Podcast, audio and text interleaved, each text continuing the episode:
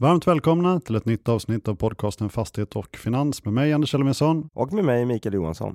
Och Mikael, du har ju haft en ganska tung vecka vilket har satt sig på din röst, visst är det så? Ja, vi kan ju skylla på lite olika saker. Eh, visst har veckan varit intensiv efter SBBs pressmeddelande söndag kväll. Jag kan också avslöja att jag var på fotbollsderby i söndags. Eh, det kanske har satt sina spår på min röst, vad vet jag, men den är lite svagare idag, så du får nog stå för röststyrkan, Anders. På psyket också, va? Ni förlorar om jag minns rätt. Ja, men det gör vi ju alltid på kompisarenan i Solna mot våra grannar från, från Solna kommun, så det var väl inga konstigheter egentligen.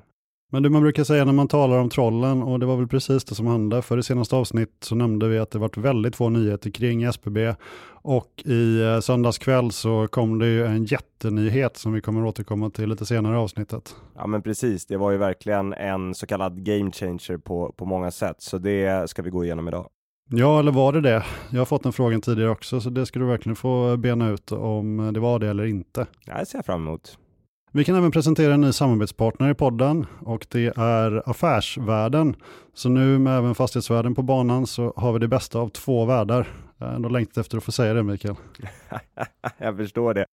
På direktmarknaden har vi faktiskt haft aktivitet den senaste veckan. Det är ett par affärer där framförallt institutioner då varit aktiva, om än främst på, på säljsidan, vilket vi kanske inte är det vi, vi vill se just nu. Eller vad skulle du säga Anders? Ja men precis, vi har ju Rikshem då i eh, två olika affärer som varit aktiva och Rikshem ägs ju av AMF Tjänstepension och Fjärde AP-fonden.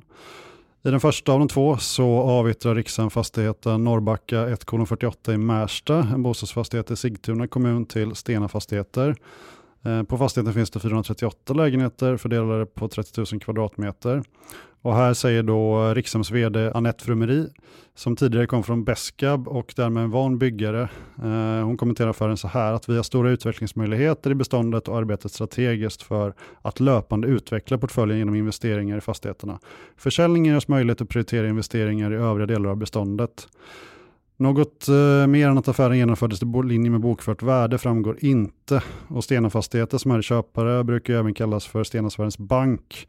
Och eh, nu när Stenasvärden går bra här, när jag i alla fall tittade på eh, alla bolag under 2022, eh, så kan de väl kosta på sig att utöka balansräkningen i bankverksamheten.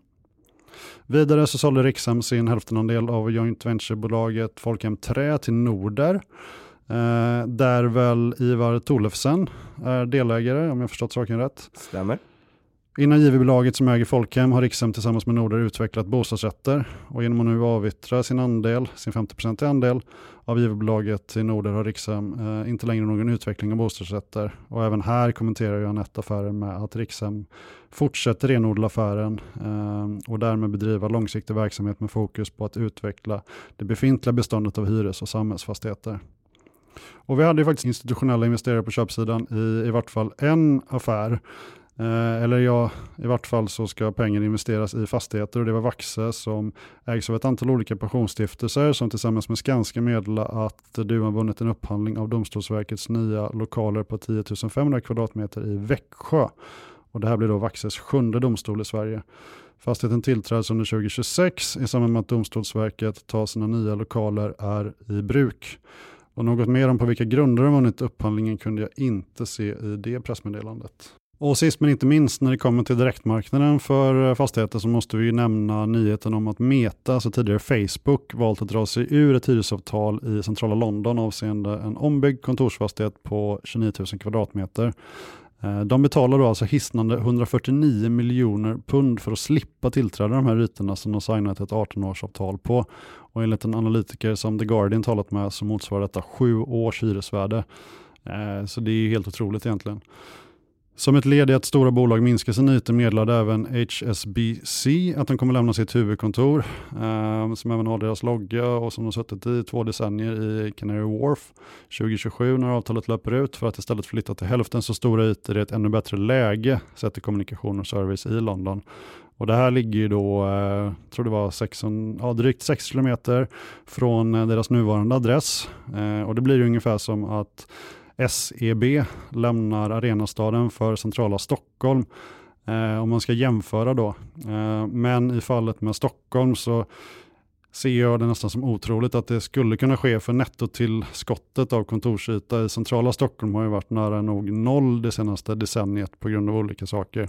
Eh, och jag tror inte det kommer kom, tillkomma speciellt mycket kontor även framåt.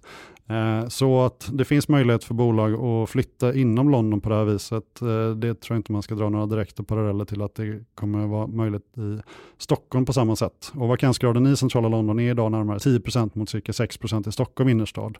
Och jag skulle vilja påstå att medan den högst troligtvis kommer öka i London så kommer den ligga stabilt i Stockholm, vilket då kommer gynna vissa bolagen.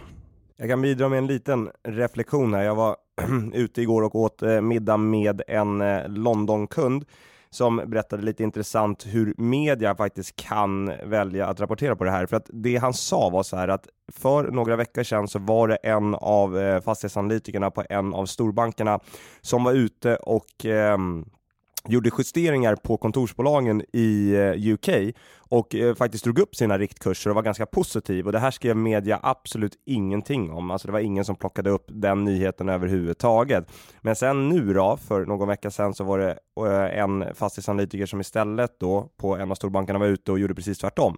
Drog ner alla riktkurser, ändrade till sälj på alla kontorsbolagen och det här fick jättegenomslag i media. Så det är ganska intressant vad man väljer att lyfta fram och fokusera på. Fastighet och Finans är även denna vecka inspelat i samarbete med Fastighetsvärlden. I snart 40 år har Fastighetsvärlden genom konferenser, magasin, nyhetsbrev och hemsida levererat marknadsledande nyhetsbevakning av Sveriges bygg och fastighetsbransch. I detta avsnitt vill vi lyfta Fastighetsvärldens magasin som släpps ner i prenumeranters brevlådor idag, måndag. Teman i detta nummer är fastighetsjuridik och handelsfastigheter och bland de mest intressanta artiklarna kan nämnas redaktionens kartläggning av nordiska fastighetsaktörers investeringsutrymme, vilket summeras till över 100 miljarder kronor. Och med tanke på det vi talat om vad gäller institutionernas ovilja att öka allokeringen mot fastigheter så kan dessa pengar komma väl till pass för att hjälpa en del av de kämpande börsbolagen att komma på fötter. Personporträttet i detta numret har sitt fokus på nybildade Prisma Properties vd Fredrik Messing. Ambitionen med bolaget är att bli Nordens ledande fastighetsutvecklare och långsiktig ägare inom segmenten lågpris, dagligvaruhandel samt snabbmatsrestauranger. Och det har även talats om en notering på sikt av bolaget när tiden är mogen. Och på tal om lågpris så tycks Röstas kommande notering vara starkt emotsedd. Så det är ändå inte helt omöjligt att vi får se en notering av Prisma Properties under 2024. Vi kan varmt rekommendera er att ta del av de senaste nyheterna från fastighetsbranschen genom fastighetsvärldens olika kanaler. Som vi nämnde i inledningen av avsnittet eh, kan vi glädjande meddela att vi även är sponsrade av Affärsvärlden som är Sveriges ledande ekonomimagasin. I år har Affärsvärlden utsetts till Sveriges bästa magasin och har flera prisbelönta ekonomijournalister och analytiker som bevakar och analyserar fastighetsbolag men också ett stort antal andra branscher. Med Affärsvärlden Premium får du tillgång till alla artiklar, över 500 aktieanalyser per år och insyn i Affärsvärldens egna portföljer.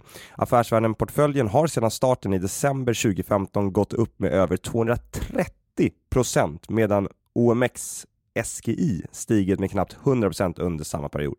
Just nu kan vi erbjuda alla lyssnare rabattkoden Fastighet Finans utan något blanksteg mellan orden, vilket ger er 50% rabatt i tre månader.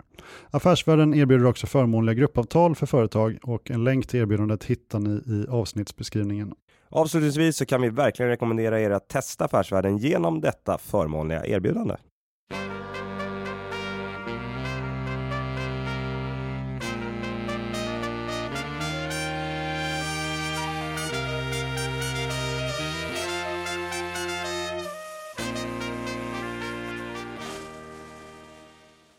Söndagen den 24 september klockan 20 över 6 misstänker jag att dina kvällsplaner förstördes Mikael, i och med att SBB gick ut med ett omvälvande pressmeddelande som kräver sin man eller kvinna för att förstå. Berätta för oss vad pressmeddelandet innehöll.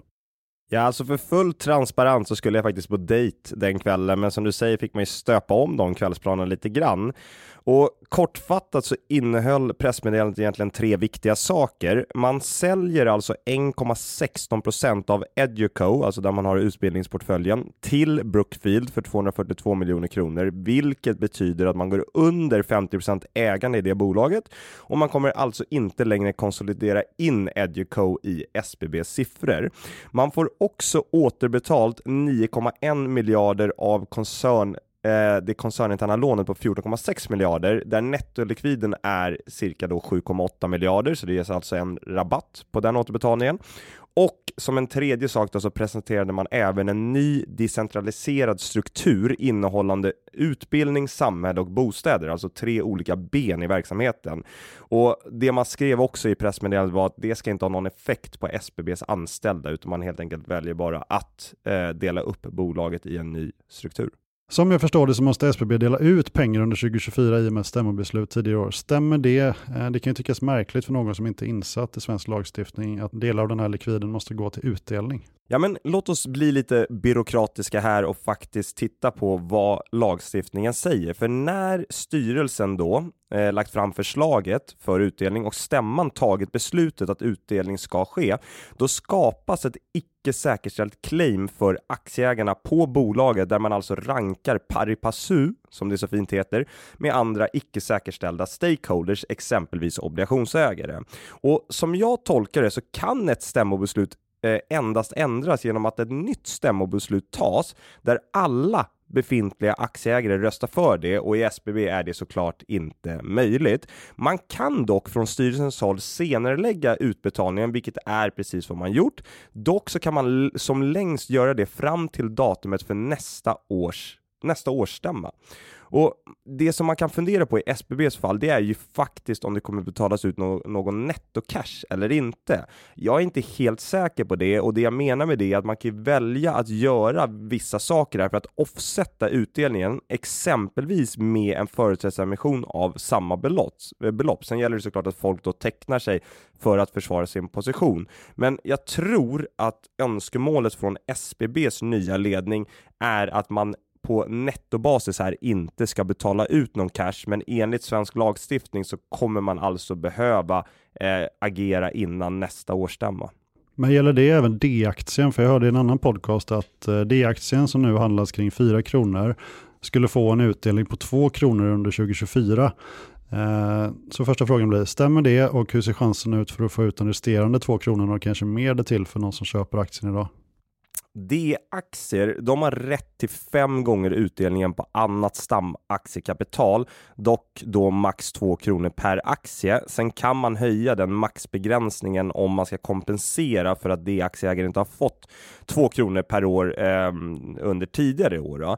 Så det är så att om SBB långsiktigt ska dela ut på övrigt stamaktiekapital så måste man dela ut på D-aktien, för det har de aktieägarna rätt till. Så svaret blir egentligen att om de delar ut på A och B-aktien här så kommer man också att dela ut på D-aktien.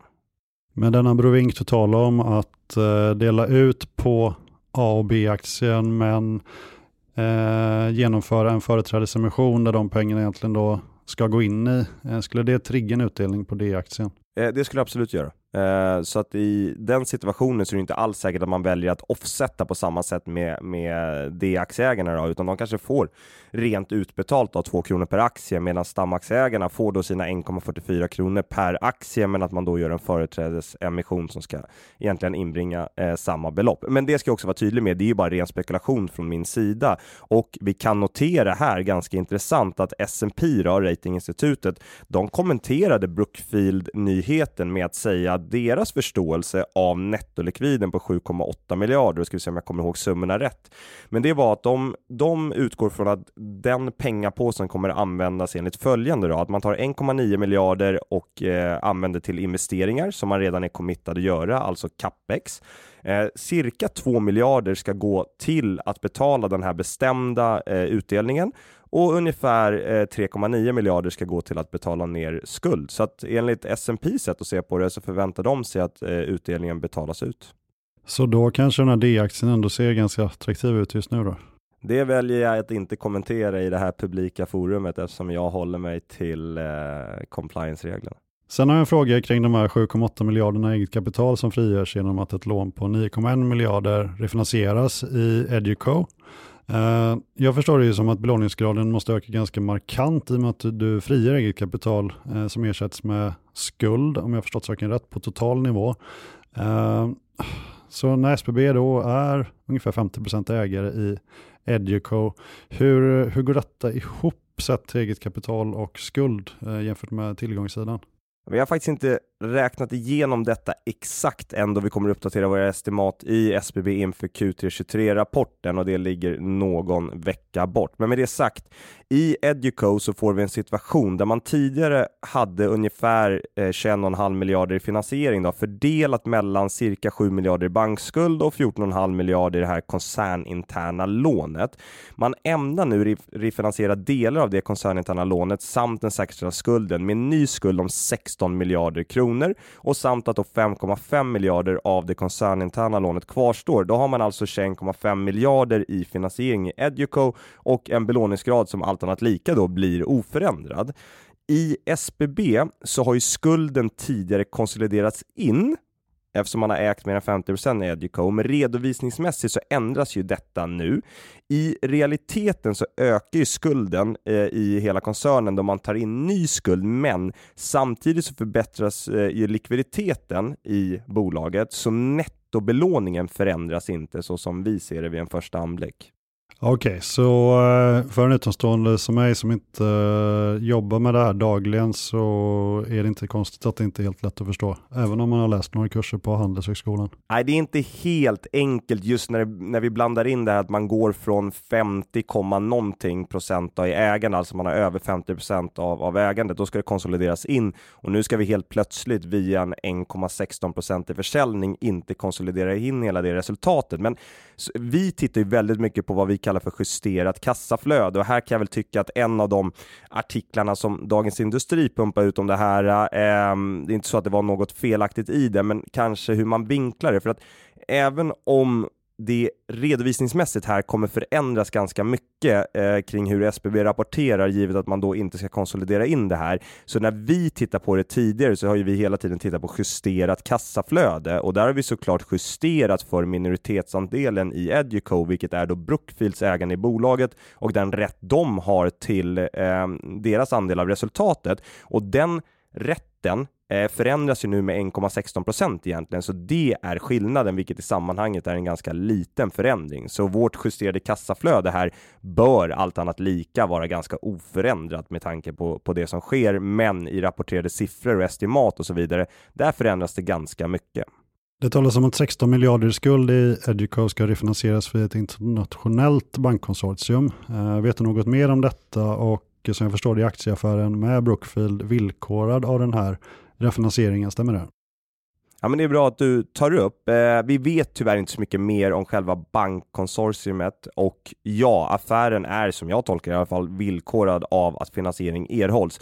Men i mitt huvud så är det här redan klart att en aktör som Brookfield skulle gå med på att den här transaktionen annonseras och sen inte lyckas lösa finansieringen. Det känns extremt osannolikt.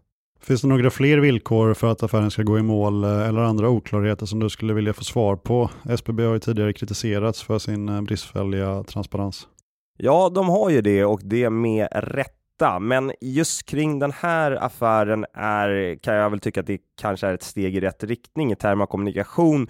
Eh, de frågor som jag har som kvarstår, de relaterar väl mer lite, de kanske är lite mer framåtblickande. För dels skulle jag vilja veta hur man nu tänker med de här 5,5 miljarderna som finns kvar i koncerninterna lån och sen även vad SBB långsiktigt ämnar göra med sin ägarandel i Educo på lite längre sikt. Men jag tror att vi har det mesta vi behöver för att faktiskt kunna räkna på det och presentera våra, vår vy och våra eh, nya estimat. Och det är egentligen det man på analytikersidan ofta vill, då, att man har parametrarna klar för sig för hur man faktiskt ska räkna på det. På måndagen i förra veckan som följde eh, den här söndagsnyheten stängde aktien på 3 kronor 56 öre motsvarande 18,3 procent upp över föregående fredags eh, stängningskurs och som mest var aktien upp en bit över 4 kronor. Vet du hur andelen blankade aktier förändrades? Alltså med andra ord hur mycket av kursuppgången och handeln i aktien utgjordes av blankare som täckte sina positioner?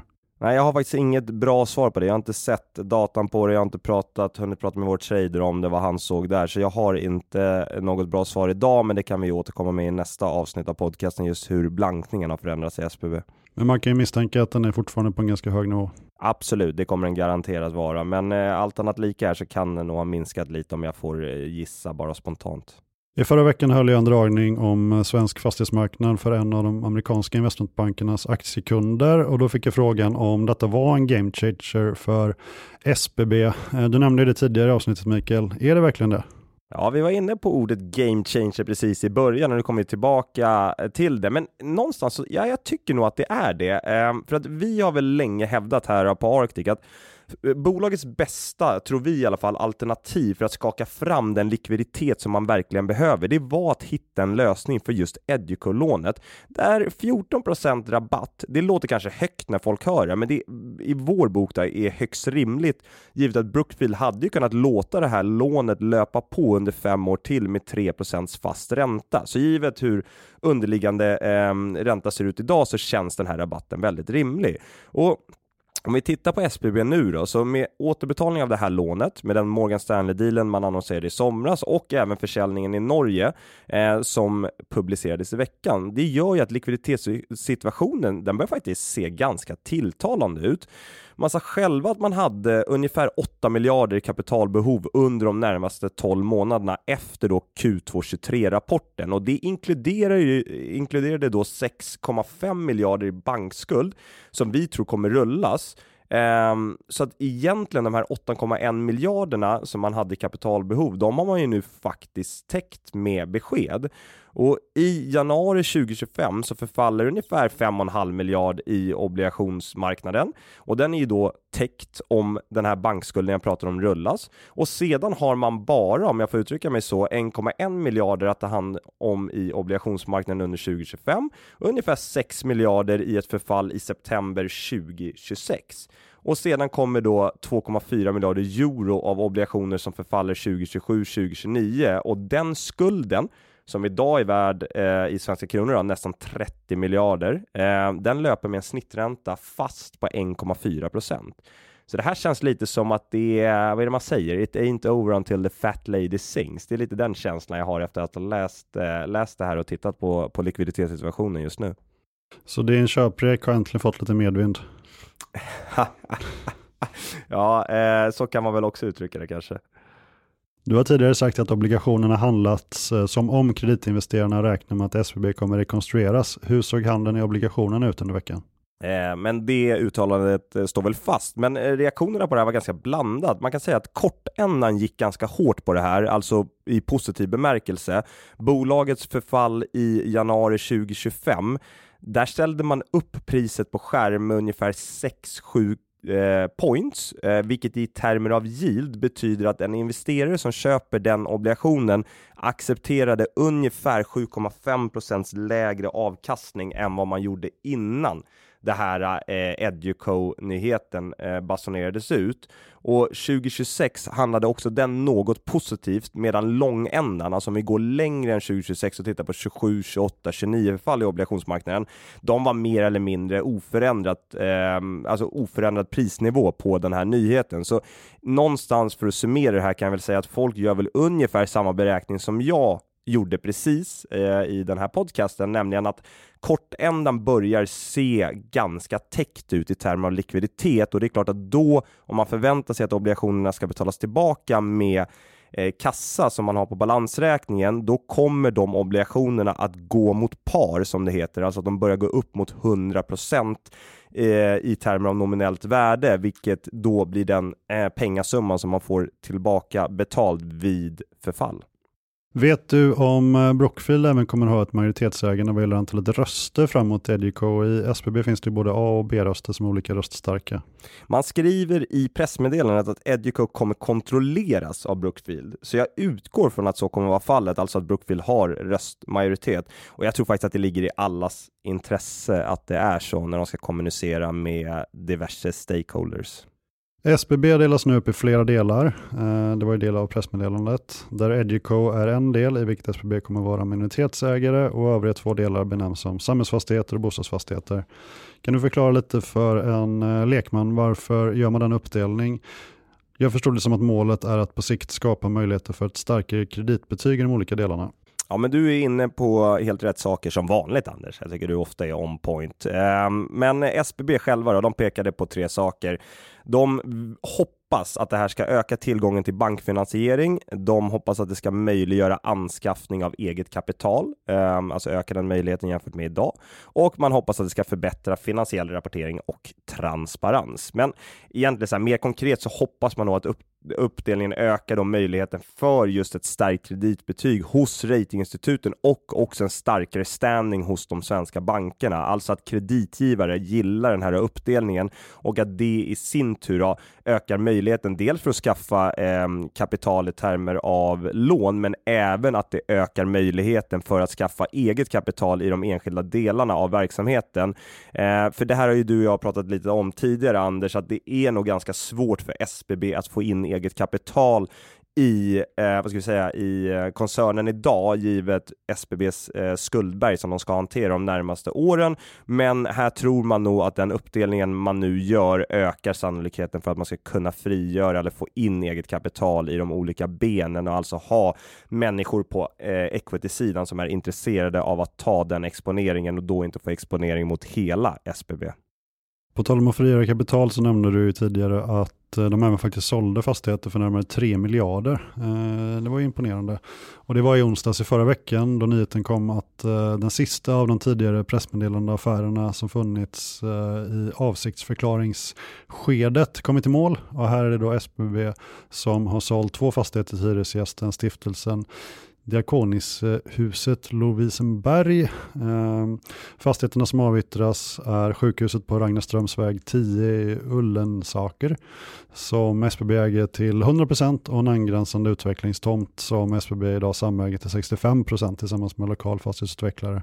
Fastigheterna har ett årligt Eh, en årlig hyresintäkt på cirka 119 miljoner norska kronor i 2024 års nivå och ett bedömt driftnetto om 114 miljoner norska kronor. Vilket då innebär en initial avkastning på 4 och försäljningen här sker 10 under bokfört värde per Q2 2023. Eh, dyrt kan jag tycka. Vad innebär affären för SBB mer konkret, Mikael? Ja, att man lyckas sälja till vad du anser vara dyrt är ju för bolaget positivt. Då. Eh, men nej, men skämt åsido, mer konkret så innebär det här att man frigör nettolikvid på strax under en miljard svenska kronor och att sälja till 10% rabatt mot bokförd värde när aktien prissätts så som den gör idag. Det är ju faktiskt allt annat lika ett styrkebesked. Sen ska vi inte sitta att, eh, här och vara allt för positiva när man säljer under bokförda värden, men just i det här fallet så är det här eh, ett styrkebesked i, i mitt huvud och en yield runt 4 i för övrigt ganska anmärkningsvärt givet situationen i den räntemarknaden just nu kan jag tycka. Och i SBB så handlar allting om likviditet och den här affären är ju ett steg i rätt riktning för att hantera det som komma skall. Dessutom så kan man ju nu betala ned även den säkerställda skulden med cirka 2 miljarder, vilket jag tolkar eh, är det som sker eftersom man får loss ungefär en miljard av en 3 miljarders affär. Så att det är positivt allt annat lika att man lyckas göra affären och jag tycker inte att man ska hänga upp sig allt för mycket på att det är en rabatt mot bokfört värde. Och sen något som kanske är en icke-nyhet i min värld, det var att SBB skjuter på kvartalsrapporten här för tredje kvartalet på grund av den här omstruktureringen och det är väl fullt rimligt Mikael? Ja, du var väl själv inne på att eh, SBB har kanske, eller jag vet inte om du var inne på det, men vi kan väl konstatera att SBB redovisningsmässigt eh, gjort lite fel historiskt. Och med tanke på den omstrukturering som nu sker så är det väl ganska rimligt att man ger sig själv någon extra vecka för att säkerställa att det blir rätt. Sen får vi se såklart när väl rapporten kommer hur mycket man faktiskt har ändrat, men det kan nog vara en ganska stor förändring om man nu ämnar dela upp det i de här tre benen. Och på tal om en stor förändring så var det väl faktiskt första gången eh, på flera år här som Dagens Industri skrev en positiv nyhet om eh, SBB och i morse var det då att eh, den nya chefen, alltså Leif, tycks göra mycket rätt.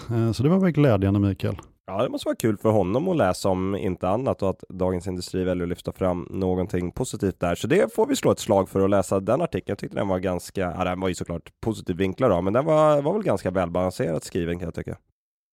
Om vi går in på lite andra bolagshändelser bland de börsnoterade fastighetsbolagen så har vi studentbostäder i Norden som nu kan få in två riktigt kapitalstarka ägare i sin företrädesemission. För de, bland de som finns med bland garanterna till företrädesemissionen är eh, Gösta Welansson inom bolag och även Nordstjärnan. Exakt hur stor ägarandel de kommer få bestäms först när teckningstiden löper ut. Och det beror ju då på hur övriga aktieägares beredskap är att satsa friska pengar. Um, men det kan bli så att Velansson och Nordstjärnan kommer återfinnas bland de fem största ägarna i bolaget senare i höst. Hur viktigt tror du Mikael det är med starka ägare i ryggen när det kommer till att lyckas rulla vidare befintliga lån och även ta upp nya lån både via bank och obligationsmarknaden? men jag är ju generellt lite som en trasig skiva. När, jag, när vi zoomar in på ett ord i ett avsnitt så tenderar jag att använda det ganska mycket och det kommer jag göra idag också. Så du pratade ju om game changer tidigare. Det här kan ju faktiskt vara en riktig game changer. Obligationsmarknaden ser ju väldigt gärna kapitalstarka ägare som är beredda att supportera bolaget vid behov och banker vill ju även de se att risken delas i den här situationen mellan just kreditgivare och aktieägare. Så för att studentbostäder ska få en långsiktigt hållbar kapitalstruktur och klara av det som man nu ska gå igenom, ja då behövs det ägare som kan supportera och här som det ser ut får man in nya ägare som vi vet har kapital och som potentiellt då skulle kunna supportera. Sen om viljan från de här finns långsiktigt eller inte, det återstår ju att se. Men man har i alla fall musklerna för att göra det. Så att det här ska bli väldigt intressant tycker jag att följa. Och din riktkurs för studentbostäder i Norden ligger väl över dagens kurs och med tanke på dessa nyheter så är väl det också lite medvind i seglen. Ja, men det får man väl hävda eh, kan jag tycka, så får vi väl se hur det spelar ut sig. Johan Edberg på Handelsbanken uttalade sig till Dagens Industri om att det finns risker i framtida finansiering av Balderbygget i samband med att de släppte en sektorrapport. Rekommendationen eh, var då eh, sälj på både kort och lång sikt. Drar du samma slutsatser som Johan vad gäller Balder eller har du en annan syn Mikael? Men Johan är, är duktig och jag såg intervjun med honom i eh, DTV. De saker han sa om Balder stämmer väl ganska bra överens med den vyn som vi har kommunicerat externt. Eh, det som vi här främst fokuserar på eller funderar på kring Balder, det är ju behovet av finansiering till de JV-bolagen som man har exponering mot från utsidan är det nämligen så att det kapitalbehovet i de bolagen som man har exponering mot är väldigt svårt att bedöma. Eh, och det tycker jag, givet situationen i övrigt och givet Balders obligationsförfall som man ska ta hand om de närmaste 3, 4, 5 åren, gör att det finns fog för att, eh, för att fundera lite kring hur Balder ska eh, få fram all den likviditet som man faktiskt kommer behöva. Cushman Wakefield släppte förra veckan rapporten eh, Property Investor Confidence Index. Undersökningen har genomförts i samtliga nordiska länder och sammanställts genom enkätfrågor till investerare i respektive land, där de då fått dela med sig av sin syn på fastighetsmarknaden i det landet de är verksamma. Och den här finns laddad ner på Cushman Wakefields hemsida, så det rekommenderar jag er att göra. Trots utmaningar i marknaden så är det ju intressant att notera att de svenska investerarna fortfarande aktivt söker efter förvärv och majoriteten siktar faktiskt på att utöka sina portföljer vilket är glädjande, även om många också önskar att bibehålla storleken på sina nuvarande investeringar. Intressanta bonusfrågor i den svenska utgåvan är hur investerarnas förväntningar är på eh, vakansutvecklingen för kontor i Stockholms närförorter som har varit eh, ganska omdiskuterat. Och även den för nyproducerat logistik där jag faktiskt uttalade mig i Fastighetsnytt under morgonen här fredag. Eh, vi släpper ju måndag, spelar in fredag. Och Eh, vi frågar även om vilket segment som förväntas prestera bäst kommande sex månader. Och här är det flest eh, av de svarande som anger industrifastigheter. Och det tror väl jag har att göra med en svag svensk valuta som gynnar ett stort antal hyresgäster i denna typ av fastigheter. Så det är kanske inte helt överraskande. Och i förra avsnittet uttryckte jag ju mig även positivt om hotellfastigheter. Och det är faktiskt hotell som står för den största uppgången från föregående undersökning i antal som är positiva. Eh, och även hotell då bedöms ju få en positiv effekt av den svaga valutan. Mikael, jag tycker det var starkt jobbat att vi eh, fick ihop ett avsnitt idag med tanke på de förutsättningar vi hade. Jag håller med om det. Det är lite klapp på axeln till oss. Du kan väl dra din eh, vanliga disclaimer så vi inte missar den? Ja, precis, den jag som sagt blir lite hånad för, men vi vill vara tydliga med att allt vi har sagt i den här podcasten ska varken tolkas som en köp eller säljrekommendation i något finansiellt instrument. Och sen skulle jag uppskatta om ni klickar på följ eh, vad gäller vår podcast i er podcastspelare och även om ni har tid sätta ett litet betyg på podden Sen eh, vill vi såklart nämna våra samarbetspartner. Det är Fastighetsvärden, Affärsvärden, Kursman Wakefield och Arctic Securities. Ja, och idag är det den 29 september när vi spelar in och jag tror vi alla tänker samma sak här. Att vi ser fram emot den 12 oktober då det första fastighetsbolaget rapporterar, vilket är Atrium Ljungberg. Ja, det blir spännande tider framför oss och det kommer vi rapportera om såklart. Med det sagt så önskar vi er alla en trevlig vecka. Ha det gott!